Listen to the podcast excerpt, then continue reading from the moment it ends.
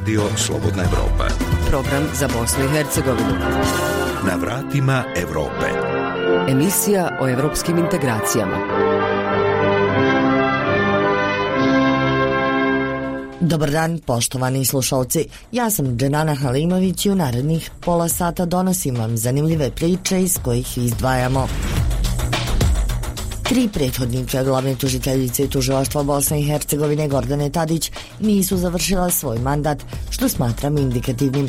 Ocijenio je intervju za radio Slobodna Evropa predsjednik Visokog sudskog i tužilačkog vijeća Halil Legumđija postupci koji se vode protiv rukovodlaca pravosudnih funkcija mogu se posmatrati dvojako. Prvenstveno se može posmatrati kao snaga pravosudnog sistema u procesu utvrđivanja odgovornosti nosilaca pravosudnih funkcija gdje se ista pravila primjenjuju za sve i gdje ne postoje takozvani nedodirljivi. Sa druge strane, to se može loše protumačiti kao ako su rukovodioci procesuirani i disciplinski odgovaraju, kakve su onda sudije i tužioci, šta od njih očekivati. Raspodjela sredstava od PDV-a lokalnim zajednicama u Federaciji Bosne i Hercegovine najmanja je na evropskom kontinentu. Imate primjer nordijskih zemalja gdje to ide i do 50%. Kod nas to nije dobro, kod nas za cijelu federaciju 8,5% i to je najmanje na evropskom kontinentu. Organska proizvodnja u Bosni i Hercegovini bez državne potpore. Mi smo izgubili u Španiji kupca jer je trebao neko u, u našem ministarstvu da ovjeri da da neko potvrdi da smo mi organski proizvođač u Bosni. Niko nije imao da nam stavi taj pečat. Na vratima Evrope. Emisija o evropskim integracijama. Vraćamo se najavljenim sadržajima. Tri prethodnika glavne tužiteljice tužilaštva Bosne i Hercegovine Gordane Tadić nisu završila svoj mandat, što smatram indikativnim. Ocijenio je u intervju za Radio Slobodna Evropa predsjednik Visokog sudskog i tužilačkog vijeća Halil Legumđija. On je na funkciju predsjednika vijeća došao prije šest mjeseci nakon što je bivši predsjednik Milan Tegeltija podnio ostavku nakon sumnje umješanost u koruptivne afere. U prvih šest mjeseci mandata izrečena je prvostepena disciplinska odluka o razrješenju glavne tužiteljice državnog tužilaštva, ali i pokrenut disciplinski postupak protiv predsjednika suda Bosne i Hercegovine Ranka Debeveca, koji je završio javnom opomenom. Gospodine Lagumđija, prvostepena disciplinska komisija Visokog sudskog i tužilačkog vijeća Bosne i Hercegovine razriješila je dužnosti glavnu tužiteljicu Gordanu Tadić zbog kako je navedeno disciplinskih prekršaja koji podrazumijevaju i nemar, ali i propuštanje iz neopravdanih razloga da postupi u skladu s odlukama, naredbama ili zahtjevima vijeća. Ovo je još jedan glavni tužilac koji je u disciplinskom postupku razriješen dužnosti ili se suočava s ozbiljnim posljedicama. Šta to govori o stanju u tužilaštvu Bosne i Hercegovine? Disciplinski postupak protiv glavne e, tužiteljice tužilaštva Bosne i Hercegovine još uvijek je u toku i pravosnažna odluka nije donesena u ovoj fazi postupka kada još nemamo konačnu odluku nisam u mogućnosti komentarisati tog postupka. Ne želim se dovesti u situaciju da se u narednim fazama postupka traži moje izuzeće zbog e, eventualnih e, stavova koje bih izrekao svojim komentarima. Mogu samo reći da je postupak trenutno u fazi donošenja drugostepene odluke a u povodu žalbe koju je glavna tužiteljica, odnosno njen punomoćnik izjavio na prvostepenu odluku. Nakon toga oni su tražili izuzeće rukovodstva VSTV-a, konkretno moje i obje potpredsjednice vijeća te dva člana drugostepene disciplinske komisije. E, o tome su donijete odgovarajuće odluke, ali je ova procedura odložila rad drugostepene disciplinske komisije. Kako biste generalno ocijenili ovakvo stanje u bosansko-hercegovačkom pravosuđu s obzirom na činjenicu da ni jedan glavni tužilac do sada nije završio svoj mandat? Pa to je vrlo indikativno. Meni je poznato, evo mislim da je trenutno aktuelna glavna tužiteljica četvrta, tri njena prethodnika nisu završila uh, svoj mandat. Uh, to je vrlo, vrlo indikativno i ja bih se za sada ovaj, sa svojim komentarima zadržao na, na ovo što sam rekao. Disciplinska komisija Visokog sudskog i tužilačkog vijeća izrekla je javnu opomenu predsjedniku suda Bosne i Hercegovine Ranku Debevecu. To je druga institucija čiji je čelni čovjek optužen između ostalog za narušavanje ugleda. Koliko to utiče na percepciju javnosti o radu pravosuđa? Svakako da utiče ja ću samo reći da postupci koji se vode protiv rukovodlaca pravosudnih funkcija mogu se posmatrati dvojako. E, prvenstveno se može posmatrati kao snaga pravosudnog sistema u procesu utvrđivanja odgovornosti nosilaca pravosudnih funkcija e, gdje se ista pravila primjenjuju za sve i gdje ne postoje takozvani nedodirljivi. Sa druge strane to se može loše protumačiti kao ako su rukovodioci procesuirani i disciplinski odgovaraju, kakve su onda sudije i tužioci, šta od njih očekivati. Visoki predstavnik u Bosni i Hercegovini Kristijan Schmidt naveo je kada je preuzeo dužnost da u pravosuđu ima oblasti gdje je disfunkcionalnost više prisutna nego opredjeljenje da se radi zajedno, pozivajući se na Pribeov izvještaj. Jeste li i gdje primijetili tu vrstu disfunkcionalnosti? Mnogi izvještaji međunarodnih eksperata koji se bavili pitanjima vladavine prava u Bosni i Hercegovini ukazuju na, na manjkavost pravosudnog sistema, a i sam VSTV BiH je svjestan da postoje nedostaci i da je potreban angažman u različitim oblastima djelovanja. E, reformski program VSTV-a BiH je fokusiran upravo na ove oblasti rada pravosuđa koje je potrebno unaprijediti. Određeni koraci su već i preduzeti u pogledu utvrđivanja odgovornosti zbog nekorištenja CMS-a i TCMS sistema, kao i implementacije zakona o zaštiti tajnih podataka.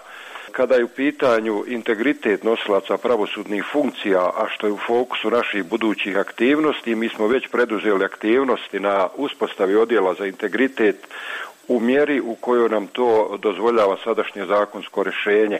U toku je procedura donošenja zakona o izmjenama i dopunama zakona u VSTV-u. Trenutno se to nalazi pred parlamentarnom skupštinom BiH. Mislim i očekujem da će nam novi zakon dati šira ovlaštenja u pogledu uspostave i djelokruga nadležnosti odjela za integritet ovaj e, odjel za integritet bi se u budućnosti trebao e, baviti pitanjima provjere imovine nosilaca pravosudnih funkcija kao i jačanje kapaciteta ureda disciplinskog tužioca i disciplinskih komisija koje odlučuju o disciplinskoj odgovornosti nosilaca pravosudnih funkcija. Nakon afera, bivši predsjednik Visokog sudskog i tužilačkog vijeća Milan Tegeltija je podnio ostavku, a međunarodni zvaničnici, uključujući ambasadu Sjedinjenih američkih država, naveli su kako se od novog rukovodstva očekuje da se obaveže na poboljšanje pravosudnog integriteta. Jeste li u ovih pola godine koliko obnašate ovu funkciju primijetili poboljšanje ili ne ilazite na prepreke? Mislim da ima određenih e, poboljšanja, to je proces e, koji će trajati, vidljivi rezultati postoje, ali veliki pomaci, treba će vremena za velike pomake. VSTV u ovom periodu intenzivno radi na končanju starih konkursnih procedura, a u toku je i procedura po novom velikom konkursu za izbor preko 130 nosilaca pravosudnih funkcija, što će dodatno doprinijeti efikasnije radu sudova i tužlaštava. Moram napomenuti da u vršenju poslova i svoje osnovne nadležnosti, a to je izbor nosilaca pravosudnih funkcija, vijeće nastoji birati najbolje kandidate iz reda prijavljenih kandidata koji ispunjavaju sve formalno pravne uslove za izbor. Nekada je izbor ograničen na samo jednog kandidata, pogotovo kada su u pitanju rukovodeće pozicije, odnosno pozicije predsjednika sudova i glavnih tužilaca a za čije imenovanje ne postoji formalna zapreka. nastojanje da se osigura nacionalni balans dodatno usložnjava proces imenovanja, odnosno izbor najboljih kandidata. Prema dosadašnjoj praksi, odnosno zaključku vijeća, moguće je odstupanje od nacionalnog balansa za jednu poziciju kada imamo do 15 noslaca pravosudnih funkcija u određenoj instituciji ili za dvije pozicije kada imamo više od 15 noslaca pravosudnih funkcija. Mislim da je pravosuđe dovoljno zrelo i spremno za promjenu ovakve prakse koja će ići u pravcu odabira kvalitetnih kandidata. Nacionalni ključ jeste važan, ali nije i ne bi trebao biti najvažniji prilikom izbora, što je, vjerujem, jedan od pravaca u kojem treba pravosuđe ići u narednom periodu. Vaš je prethodnik, nakon brojnih tvrdnji o umješanosti politike u Visoku sudsku i tužilačko vijeće, nakon ostavke zaista i postao dio političke scene. Postoje li politički pritisci na pravosuđe i pokušaj da se politika uvuče u rad VSTV-a? Kroz istoriju je poznato da je politika nastojala ostvariti svoj utjecaj na rad pravosuđa, manje ili više javno. To demonstrirajući na što ukazuju i brojni izvještaji stručnjaka. Vidljivo je to i kroz natpise u medijima povodom nekoliko disciplinskih postupaka od strane političkih stranaka, a ovi disciplinski postupci su od posebnog interesa javnosti gdje političke partije putem njima sklonih medija plasiraju teze kojima nastoje vršiti utjecaj na VSTV TV BH i pravosuđe u cjelini. Da li na rad Visokog sudskog i tužilačkog vijeća utiče bojkot iz Republike Srpske nakon što je donesen takozvani Inskov zakon?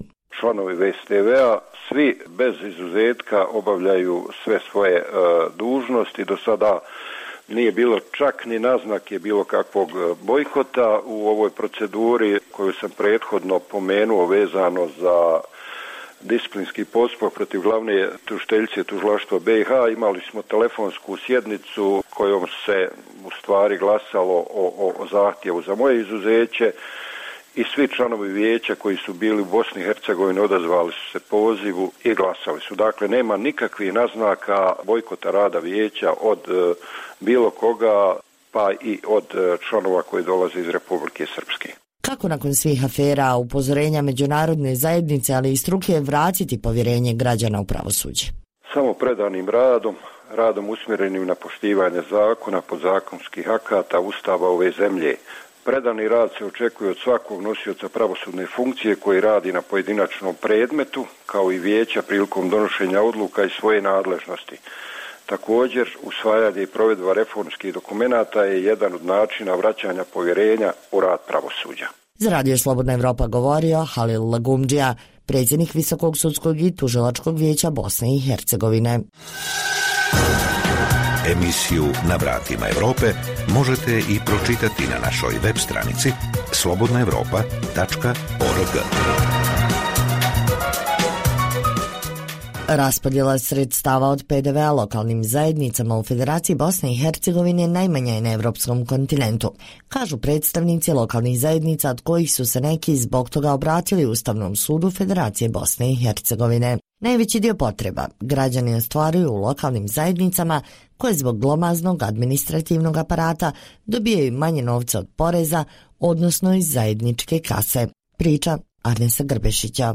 Pozivajući se na Europsku povelju o lokalnoj samoupravi, zakonodavno pravna komisija predstavničkog doma parlamenta Federacije Bosne i Hercegovine, te odbor za ekonomsku i financijsku politiku kao i komisija za lokalnu samoupravu tog doma podržali su zahtjev opštine Tešanj za zaštitu prava lokalne zajednice upućenog Ustavnom sudu Federacije, smatrajući da je povrijeđeno pravo na lokalnu samoupravu opštine Tešanj, saopšteno je iz ove lokalne zajednice.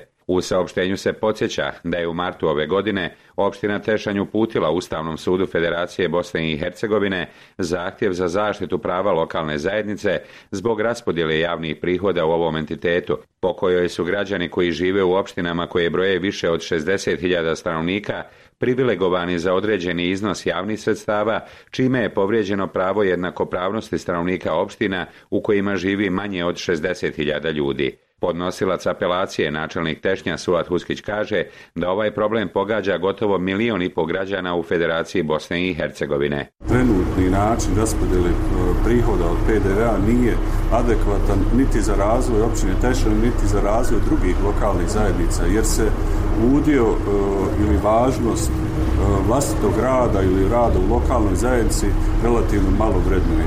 I mi ćemo nastaviti razgovore na tu temu, dakle očekujemo brzo izjašnjenje Ustavnog suda i nadamo se da će neke promjene uslijediti već tokom ove godine. Huskić navodi da sa oko 43.000 stanovnika i ukupnim prometom fiskalnih uređaja u prošloj godini od milijardu i 450 miliona maraka Tešen zauzima šesto mjesto u Federaciji Bosne i Hercegovine. Mi smo pokazali da smo u pogledu prometa fiskalnim uređajima šesta općina u Federaciji po prvi put. E, do sada smo bili ispod sedmog mjesta, dakle i dalje, i dalje rastemo, a u povratu dakle, od nekih 72 općine nalazimo se na 60. mjestu. U povratu sredstava od PDV-a, iako dakle, za ukupno razumijevanje cijele materije treba poznavati brojne kriterije, dakle sagledavati ih više Na raspodjelu javnih prihoda u federaciji ovih dana se osvrnuo i gradonačelnik Tuzle Jasmin Imamović koji kaže da se na europskom kontinentu gradovima i opštinama u federaciji u budžete vraća najmanje sredstava od PDV-a. Lokalne zajednice u federaciji iz PDV-a prime 8%, dok se u razvijenim europskim državama taj procenat kreće između 30 i 35%, kaže Imamović. Bogate zemlje poput Njemačke e, vjeruju u to da bogata, jaka, svaka općina i svaki grad, jaka je Njemačka. Jel? Kod nas to baš i nije tako i to je najbolje vidljivo kroz recimo raspodjelu PDV-a. E, dakle, što je zemlja razvijenija, kod njih se više izdvaja za PDV u gradove i općine. Evo imate primjer nordijskih zemalja, e, imate primjer nordijskih zemalja gdje to ide i do 50%. Kod nas to nije dobro, kod nas za cijelu federaciju 8,5% i to je najmanje na europskom kontinentu a kad bi se to dijelilo na gradove, onda bi se došli do bosanske krupe, ona isto 8,5%, ona dobije ukupno, kada se pretvori u novac, 1,188%. Bosanski Petrovac dobije 0,404%, ključ 0,695%. Tuzlanski gradonačelnik Jasmin Imamović dalje obrazlaže zašto je to tako. Zato što imamo takav ustav federacije, zato što imamo kantone, jer se kod nas u ime decentralizacije dogodila centralizacija na nivou entiteta i kantona. To se dogodilo i u svakom gradu pa i u glavnom gradu. Istinska decentralizacija je jačanje gradova i općina, a ne njihovo slabljenje na račun kantona. Jedini bi zaokret bio u izmjeni zakonodavstva, ali tu je prepreka Ustava federacije. Znači na izmjenama Ustava federacije e, gdje bi se nadležnosti i novac prenijeli više na gradove i općine i više na federaciju, a zadržale one nadležnosti na kantonu koje se izdogovaraju jer morate se dogovarati jer vam treba dvije trećine ruku da biste mijenjali ustav. A svi građani žive u gradovima i općinama i svaki građanin 85% svojih potreba zadovoljava u svom gradu i svojoj općini. O promjenama Ustava Federacije kao i Bosne i Hercegovine jasno je da trenutno nema političke volje i Federalni ustavni sud, koji će odlučivati o apelaciji opštine Tešanj u pogledu raspodjele javnih prihoda gradovima i opštinama u ovom bosansko-hercegovačkom entitetu zbog političkih sukoba radi sa manjim brojem sudija od predviđenog. Za radio Slobodna Europa iz Tešnja, Arnes Grbešić. Evropski standardi za evropsko tržište. Osim što otvara mogućnosti za nova zapošljavanja i porast izvoza, proizvodnja organske hrane jedan je od bitnih faktora na evropskom putu Bosne i Hercegovine, no poljoprivrednici tvrde da ogromni potencijali koje Bosna i Hercegovina ima ostaju neiskorišteni zbog nemara institucija vlasti. Izostanak značajnih poticaja te brojne administrativne barijere s kojima se suočavaju samo su neki od razloga zbog kojih mnogi odustaju od uzgajanja organske hrane. Iako zvaničnog registra proizvođača nema, procjenjuje se da ih je u 2012. godini bilo više od 200, a danas tek 60. Marija Augustinović Meira Halilović bavi se poljoprivredom već 38 godina. Njena porodična firma na Nišićkoj visoravni u blizini Sarajeva od 2001. godine počinje s uzgojem organskih proizvoda. Uglavnom samo niklo, ljekovito bilje. Počeli smo proizvoditi tečna ulja da bi prije nekih možda 14 godina proširili smo tu našu organsku proizvodnju, počeli proizvoditi žitarice, povrće. Organska proizvodnja traži da se sačuvaju livade, da se sačuvaju, sačuva zemljište, ne tretira se ničim. Osim što proizvode za domaće tržište, izvoze u zemlje regije kao i Evropsku uniju te Sjedinjene američke države. Eterična ulja recimo većinom se izvoze od, od Europe do Amerike, Organska proizvodnja je zahtjevniji i skuplji proces od konvencionalne poljoprivredne proizvodnje. Zbog toga bi, kako ističe Meira Halilović, institucije vlasti u BiH morale putem poticaja pomoći proizvođačima organske hrane. Mi imamo certifikate evropski, imamo za američko tržište, imamo i košar. Nama nije problem toliko, mada to košta. Ne možete vi neku malu šaržu izvesti jer vam se jednostavno ne isplati. E, imate, plaćate certifikat dok platite izvozne papire, dok platite transporte, nije to baš. Mi smo izgubili u Španiji kupca jer je trebao neko u, u našem ministarstvu da ovjeri da, da neko potvrdi da smo mi organski proizvođač u Bosni. Niko nije imao da nam stavi taj pečat. nisu se potrudili, a trebali bi da se provode da se donesu ta zakonska akta. Iako bi mogla biti motor privrednog razvoja Bosne i Hercegovine, vlasti godinama pokazuju da poljoprivreda nije u fokusu njihovog interesovanja, kaže Sajad Herceg iz Saveza udruženja organskih proizvođača Federacije BiH. On naglašava da zbog toga većina poljoprivrednika nije konkurentna ni na domaćem ni na inostranom tržištu država ne vodi brigu o toj proizvodnji od e, same regulative. Evo kad govorimo o organskom sektoru, mi u federaciji nemamo znaka za organski proizvod i naš kupac ne može prepoznati taj isti naš proizvod i da se taj proizvod zaštiti. Kad mi govorimo da se za organsku proizvodnju na novoj federaciji, evo čitave države, ne odvaja ni 100.000 maraka, za, za, ali apsolutno nema razvojne komponente, imamo samo pravo na poticaj sa jedan dio certifikacije i kako ćemo mi razmišljati dalje, kako ćemo biti konkurentni. Herceg kaže da vlasti zanemaruju i činjenicu da je organska poljoprivreda jedan od bitnih faktora i za proces pristupanja Bosne i Hercegovine u Europsku uniju. Očekivanja od zemalja u integracijskom procesu su, kako kaže, da najmanje 3% poljoprivrednog zemljišta bude namijenjen za organsku proizvodnju. Hrvatska je ušla sa 2,1, 2,2%, ali imala zaista ovaj jedan uspon proizvodnje gdje je ona sad stigla negdje sigurno oko 6% da ima proizvodnje u organskom sektoru. Sigurno nemamo više od 900 hektara da da se proizvodi organska proizvodnja. Nama je dato do, do 2021. do kraja godine da uskladimo regulativu na državnom nivou. Sutra će zabraniti izvoz organskih proizvoda u Europsku uniju ako ne uskladimo regulativu sa propisima i procedurama u Europskoj uniji. Iz Saveza udruženja organskih proizvođača Federacije BiH tvrde da bi ulaganje u organsku proizvodnju otvorilo mogućnosti za nova zapošljavanja, smanjenje uvoza i rast BDP-a, dok bi se pozitivni efekti osjetili i u zaštiti okoliša. Za Radio Slobodna Evropa, Marija Augustinović. Radio Slobodna Evropa, emisija o evropskim integracijama. Na vratima Evrope. U Sarajevu je otvoreno prvo genetičko savjetovalište u Bosni i Hercegovini, čime je ispunjen san Anele Zorlak, magistrice genetike, djevojke koja je svoje znanje, iskustva i kontakte željela iskoristiti kako bi u njenoj državi genetičari dobili šansu, a genetika postala dio savremene medicine.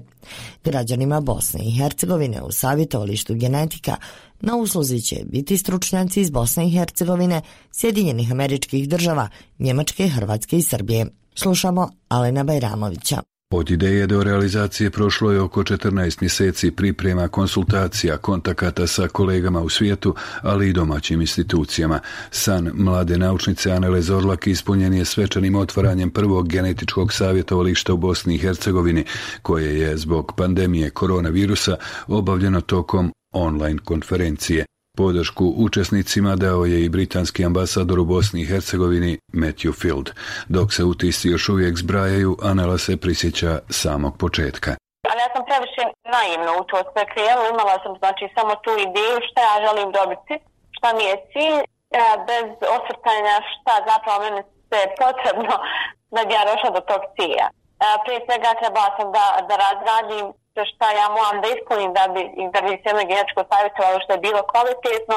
Onda je to prethodilo puno, puno sastanaka, razgovora sa ljudima koji imaju uh, dugogodišnja iskustva iz te oblasti. Nekako imala sam sreće što svi ti ljudi, profesori, doktori, bili kraj, krajnje uh, friendly i stvarno su dali veliku podršku da ja prenesem to, bar dio toga da prenesem ovdje u Bosni i Hercegovini. Kada se čitava priča onako sklopila, kada sam dobila bazu što tiče znanja, šta zapravo trebam da napravim, onda je krenuo, krenuo proces administracije, odnosno registracije u Bosni i Hercegovini, što je, što je drugi par cipjela i što predstavlja drugu problematiku.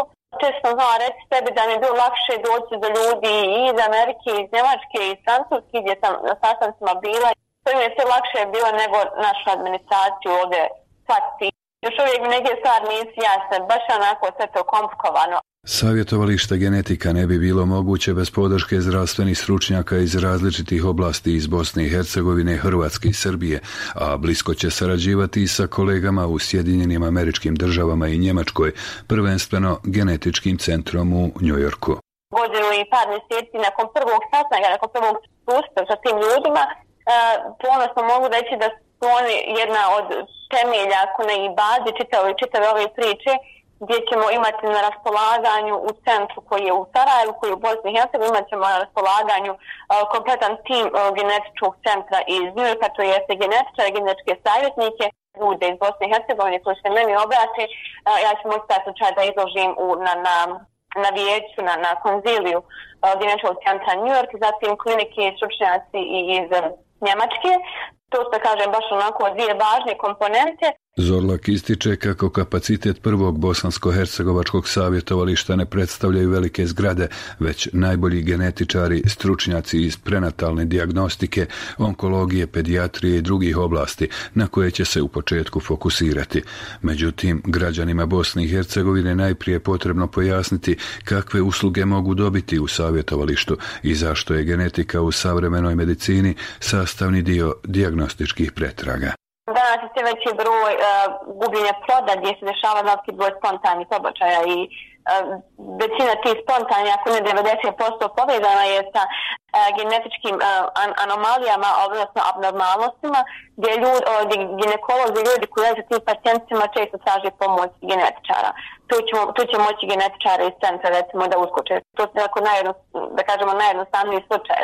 Također sigurno se, se, se okrenete u svojoj okolini možete da vidite da uvijek na glas, nažalost, i se osjetljiva tema, da je sve više i više djece uh, pogođeno različitim sindromima.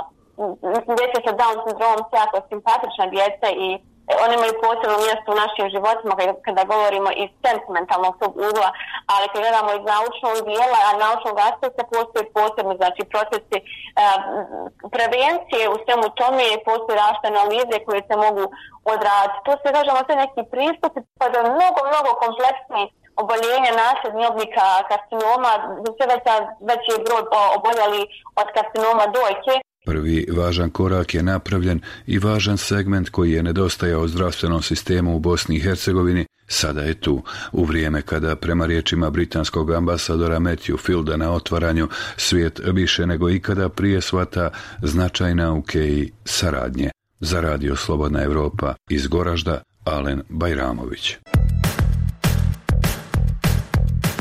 Slike svakodnevnice šta muči ili inspiriše mlade kako prošle političke odluke utiču na našu budućnost. Ove i druge teme slušajte u podcastima Radija Slobodna Evropa. Sve epizode pronađite na iTunesu, Spotify, Google podcastima, kao i na slobodnaevropa.org.